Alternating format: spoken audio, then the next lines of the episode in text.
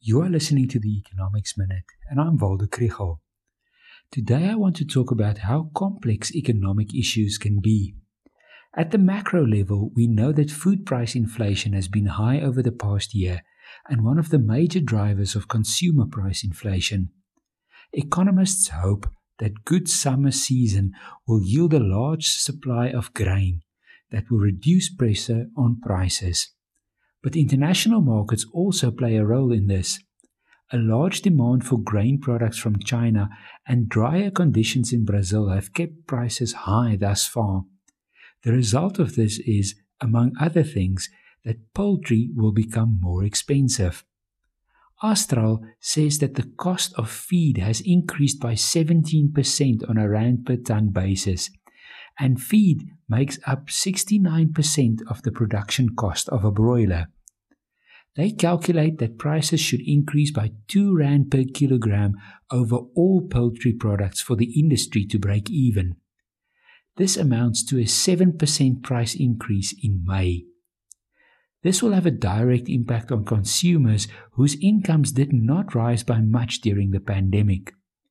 Indirectly, sustained inflation above the target range will lead to the Reserve Bank raising interest rates sooner, and this will be bad for consumers and investors.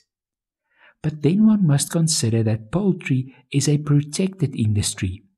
The Minister of Trade and Industry increased import tariffs on imported chicken sharply in 2020 tariffs for on the bone chicken increased from 37% to 62%, and on boneless meat from 12% to 42%.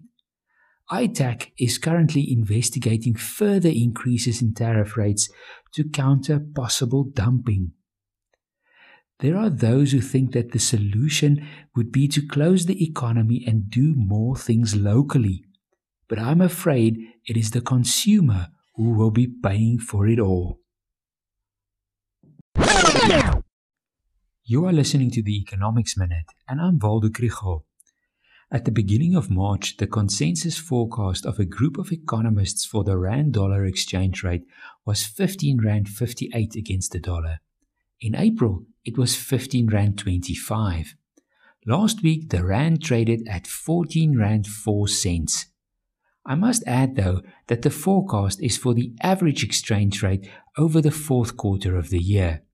So the economists are expecting the rand to weaken, but not as much as they originally thought. So, what would affect the value of the rand in the next six months?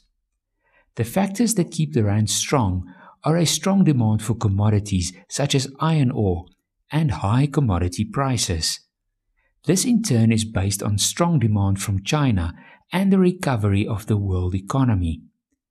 This depends on further rounds of the coronavirus pandemic, variants of the virus, and the success of vaccination programs, as well as the economic stimulus program in the US. Investors' appetite for high risk financial assets, such as South African government debt, also helps.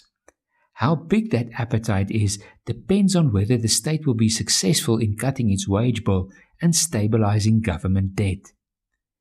Any of these influences of the exchange rate could go in the wrong direction for the rand, and economists therefore expect the exchange rate to continue to be fairly volatile.